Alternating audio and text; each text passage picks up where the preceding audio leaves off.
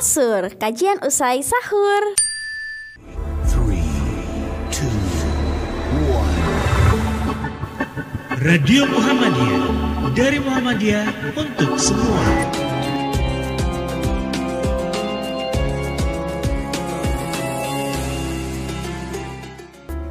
Makalah saya ini intinya ada dua hal, yaitu pertama saya me- menawarkan adanya perubahan paradigma di Muhammadiyah masa depan, yaitu dari paradigma sebagai gerakan amal usaha menjadi gerakan jamaah. Bagaimana Pak Amin telah juga telah berusaha untuk menggeser Muhammadiyah ke dalam titik keseimbangan dari gerakan yang semula selalu bersifat amar ma'ruf, kemudian menuju ke arah titik keseimbangan menjadi banyak juga kegiatan yang nahi mungkar. Itu yang pertama. Kemudian yang kedua, saya juga menawarkan adanya upaya untuk pemberdayaan ekonomi umat atau jamaah Muhammadiyah dalam berbagai sisi untuk masa yang akan datang. Bapak Ibu sekalian, kemarin waktu Tanwir, saya kebetulan berada di dalam komisi konsolidasi organisasi komisi umum. Itu ada seorang salah satu pimpinan Muhammadiyah yang sangat resah atau risau dengan dengan adanya publikasi yang besar-besaran praktek-praktek ritual gitu ya atau mungkin sub ritual keagamaan Islam yang itu dalam kategori Muhammadiyah dianggap selama ini dianggap bid'ah tapi itu dalam publikasi yang luas dan juga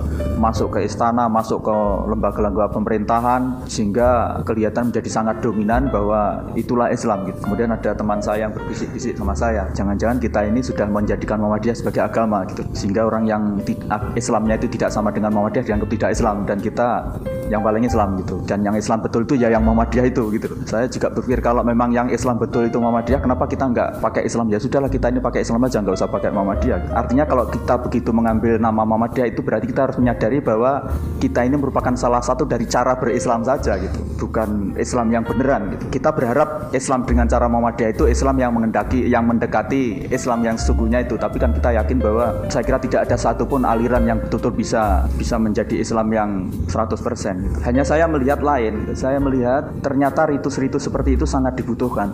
Dan itulah bagian dari agama gitu. Karena agama itu tanpa ada ritual itu bukan agama. Dan semakin kaya ritualisme di dalam suatu agama itu akan bisa membangun eh, solidaritas sosial dan juga semangat jamaah itu.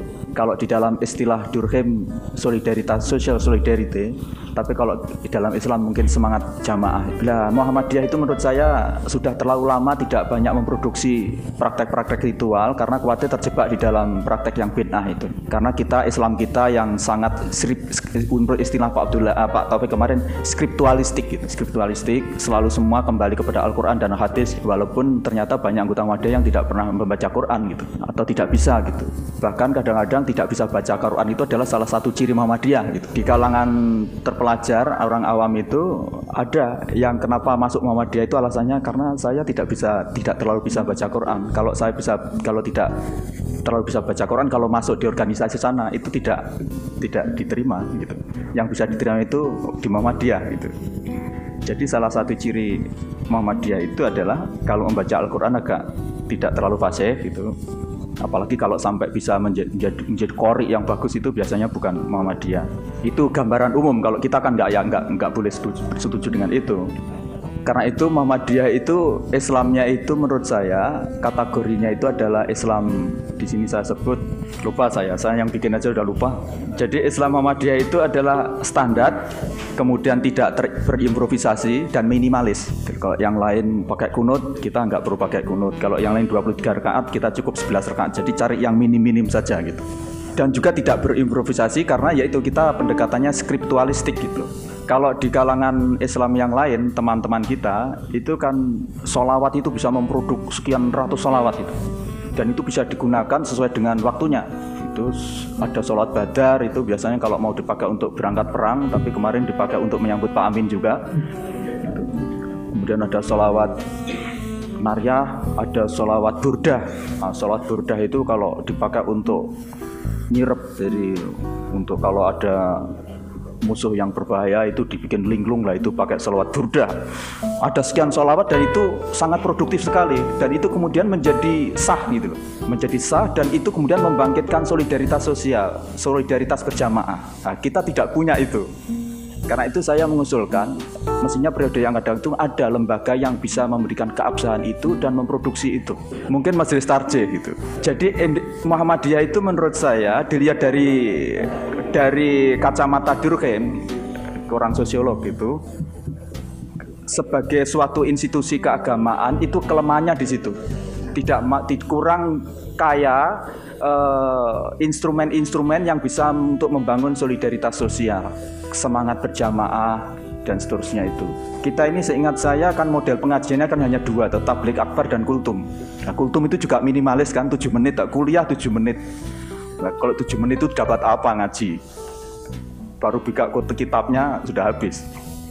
Jadi tapi di sana ada sekian macam itu mulai dari istighosah sampai tahlilan itu berapa macam itu manakiban, takus itu istighosah ada macam-macam ada istighosah subro, ada istighosah kubro, ada sekian klasifikasi. Jadi sangat produktif sekali dalam rangka membangun solidaritas sosial keagamaan itu.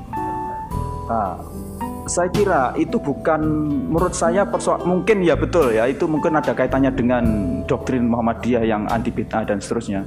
Tetapi saya kira persoalannya tidak hanya di situ. Tetapi justru persoalannya menurut saya karena memang berpuluh-puluh tahun Muhammadiyah itu telah mengalami bias di dalam paradigmanya yaitu paradigma Muhammadiyah itu sudah berpuluh tahun terlalu berorientasi pada gerakan amal usaha gerakan amal bukan gerakan jamaah saya sudah mencoba-coba laporan membaca laporan dari muktamar ke muktamar terutama lima tahun terakhir. Itu nggak ada sama sekali yang menyinggung tentang keanggotaan. Yang dilaporkan itu suksesnya membangun masjid suksesnya membangun madrasah suksesnya membangun rumah sakit suksesnya membangun universitas. Tapi tidak pernah ada laporan dari daerah-daerah ataupun juga dari PP tentang bagaimana masalah agregasi rekrutmen dan pembinaan anggota. Saya sudah baca betul itu. Sam. Jadi memang ternyata keanggotaan itu selama ini nyaris diabaikan oleh Muhammadiyah di semua tingkatan. Kenapa? Karena yaitu paradigmanya paradigma amal bukan paradigma jamaah. Karena itu saya sudah meneliti juga tadi. Jadi saya kira tidak betul kalau anggota Muhammadiyah itu 29 ribu itu 39 juta itu tidak betul. Ya. Yang terdaftar di sini sudah saya catat itu hanya 860.841 itu per Desember sekarang ini. Kemudian rata-rata kenaikan anggota yang daftar punya anggota gabungan itu 1.800 per, per tahun. Per bulan ya. Ya per bulan. Tapi harus diingat sejak tahun 54 katanya Pak Jadan sumber dari Pak Jadan itu. Itu sejak tahun 54 kita ini tidak pernah mengadakan update anggota. Saya tidak tahu, yang jelas dua tahun yang lalu saya melihat itu Pak R. Fahrudin, Pak itu masih menjadi anggota aktif Muhammadiyah, masih tertata menjadi anggota Muhammadiyah. Saya tidak tahu apa di sana memang ada ranting Muhammadiyah. Itu artinya bahwa kita sudah berpuluh-puluh tahun nggak pernah mengupdate daftar anggota kita. Jadi mungkin 800 ribu ini pun yang real itu kira-kira sekitar 600 sampai 700 ribu saja. Bahkan di Jawa Timur itu ada tokoh Muhammadiyah yang terang-terangan keluar dari Muhammadiyah dan mengembalikan kartunya. Itu di sini masih tercatat aktif juga. Terang-terangan dia keluar dari Muhammadiyah dan menyerahkan NP nomor bakunya itu, tapi di sini juga masih di tercatat sebagai anggota. Jadi inilah ironis sekali Muhammadiyah itu selama ini dianggap sebagai organisasi Islam modernis, tapi ternyata di dalam segi manajemen, di dalam segi ciri-ciri organisasi modern yang standarnya Weber itu, itu ternyata kita tidak memenuhinya, terutama ter- termasuk dalam soal keanggotaan. Kemudian jumlah amal usaha itu luar biasa. Tahun 57 saja itu SD kita ternyata sudah di atas 500 dan itu yang muat Mahmud Yunus yang orang NU dan membanding gerak dengan gerakan-gerakan amal usaha dari NU. Jadi Muhammadiyah itu punya sekolah dasar itu tahun 57 saja sudah di atas 600 dan itu kalau kita buat angka rata-rata dengan mengabaikan besar kecilnya amal usaha itu satu amal usaha itu dibanding dengan 30 anggota itu memang luar biasa Muhammadiyah itu. Dilihat dari besarnya atau pesatnya gerakan amal usaha itu sebagai gerakan amal usaha. Jadi satu amal usaha itu diurus oleh 30 anggota Muhammadiyah. Jadi sehingga kalau kita lihat Muhammadiyah itu tidak mirip sebagai organisasi massa tapi seperti kooperasi seperti kooperasi kan wajar kalau kooperasi itu satu unit diurus oleh 30 orang atau terdiri dari 30 orang anggota. Jadi mirip seperti kooperasi bahkan banyak saya kira jumlah pengurus dengan jumlah anggota itu mungkin banyak pengurusnya di beberapa ranting berapa musola kita, berapa masjid kita yang dibangun oleh Muhammadiyah kemudian diduduki oleh orang lain karena kita nggak punya jamaah. Saya sudah beberapa punya pengalaman, beberapa musola saya dirikan di beberapa desa dari program Misas Muhammadiyah itu. Ketika sudah dibangun dan cari orang yang bisa mengurusi itu, yang Muhammadiyah nggak ada. Ya akibatnya apa? Begitu ditinggal ya pasang aja beduk, ya sudah ya kita ikhlas saja yang penting kan dipakai daripada dipakai rumah semut kan lebih baik dipakai jamaah. Jadi problem-problem itu di daerah-daerah sangat sangat terasa. Nah, inilah menurut saya problem yang mendasar yang harus dijawab oleh Muhammadiyah pada masa yang akan datang. Harus berubah orientasi menjadi organisasi amal menuju ke organis organisasi yang jamaah. Saya kira tingkat solidaritas sosial warga Muhammadiyah juga rendah dibanding yang lain dibanding teman kita. Fanatisme juga rendah. Jadi misalnya fanatisme terhadap pimpinan saya kira tidak sekuat yang lain. Kalau yang lain begitu dia nu semua nyucuk tangan dan kalau dihina orang atau disindir orang aja udah semua kerahkan banser pakai sabuknya copot semua tapi di Muhammadiyah tidak paling hanya bilang sabar sabar. Kita akan rasional alasannya. Tapi itu sebetulnya menurut saya bukan persoalan rasional tapi memang fanatisme warga itu rendah. Kenapa? Karena memang kita tidak menumbuhkan semangat jamaah itu. Itu itu persoalannya. Karena itu saya pertama mengusulkan paradigma ini harus ditegakkan sebagai paradigma jamaah dan kemudian tentu saja berimplikasi terhadap struktur organisasi dan program karena itu pada yang akan datang sebaiknya menurut saya keterwakilan di dalam muktamar maupun muswil maupun musda itu tidak berdasarkan cabang. Menurut saya sebaiknya berdasarkan anggota. Jadi setiap daerah itu mewakilinya bukan jumlah cabang berapa yang dia punya tapi berapa jumlah anggota di daerah itu atas dasar kuota anggota. Dengan begitu maka secara otomatis masing-masing daerah itu harus melakukan registrasi lima tahunan. Jadi ada mekanisme lima tahunan untuk melakukan registrasi. Kalau tidak jalan itu saya kira memang tidak mungkin kita memerintahkan menginstruksikan terus sorempak simultan melakukan itu. Itu memang harus ada langkah-langkah yang sistematis terutama dari pimpinan pusat.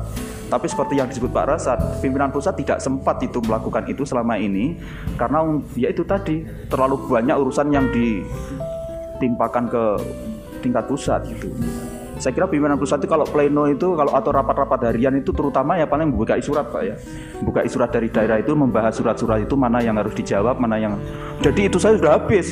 Jadi memang tidak sempat sama sekali untuk mengurusi yang sehingga saya melihat juga banyak program-program muktamar itu sebetulnya memang tidak pernah di follow up karena memang banyak program yang sebetulnya itu harus di follow up secara bertahap, sistematis, sistemik terprogram tapi terabaikan karena terlalu banyak urusan-urusan yang lebih mendesak itu. Seperti misalnya pemberian wewenang kepada wilayah, memang ya tidak mungkin itu wilayah diberi wewenang begitu saja. Itu kan harus ada manajemen keanggotaan yang lebih jauh, misalnya tentang kode wilayah, pemberian kode wilayah, kemudian bagaimana pendistribusian kartunya. Jadi ada soal-soal teknis yang harus di follow up. Oh, kalau kita mau mengembangkan perguruan tinggi yang baik itu pun sekolah seharusnya sudah diberi kode kok. Oh ini klasifikasi sekian, ini klasifikasi bagus.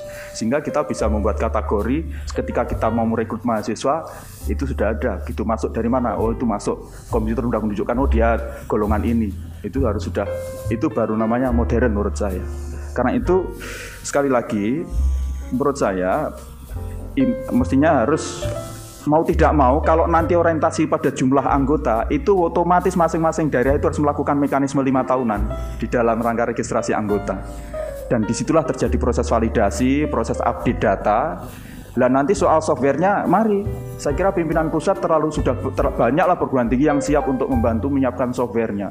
Itu gampang kok itu kalau misalnya nanti sistemnya sudah diatur itu tinggal di, menyerahkan di set saja kepada masing-masing daerah daerah yang penting ada komputernya nanti programnya kalau tidak ada yang bisa memprogram ya nanti kita bentuk di pimpinan pusat untuk menyusun itu. Kemudian ada tim yang turun ke daerah-daerah untuk um, saya kira sudah banyak perguruan tinggi Muhammadiyah itu yang yang tingkat komputasinya tidak lagi sebagai pengguna tapi sudah programmer.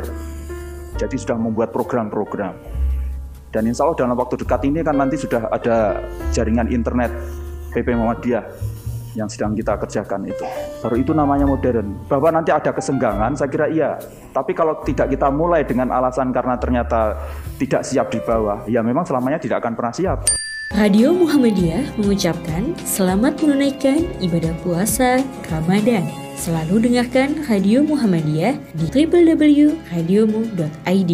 Radio Muhammadiyah dari Muhammadiyah untuk semua.